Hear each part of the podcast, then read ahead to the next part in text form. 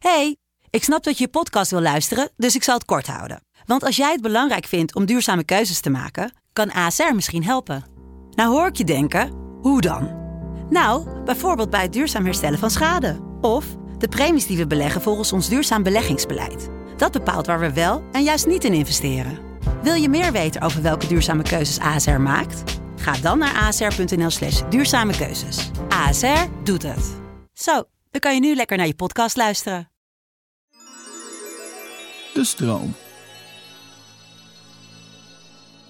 Soms zit mijn hoofd zo vol dat ik niet weet waar ik mezelf moet laten. De dingen razen voorbij als slingerende kometen door de kosmos. Hun nagloeiende staarten van tijd tot tijd nog intenser dan hetgeen waar ze aan herinneren.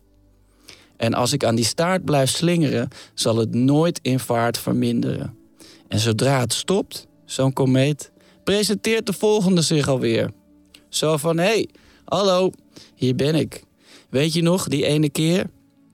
Natuurlijk weet ik dat nog. Komeetje, je denkt ik ben vergeten? Ik weet alles nog, van altijd. Dat blijft me continu opvreten. Maar wat nou als ik even loslaat? In- en uitadem. Om me heen kijk. Dan is er niks dan de prachtige kosmos die mij omhelst en lijkt te zeggen: Kom even zitten en geniet. En kijk met me naar die kometen in de verte.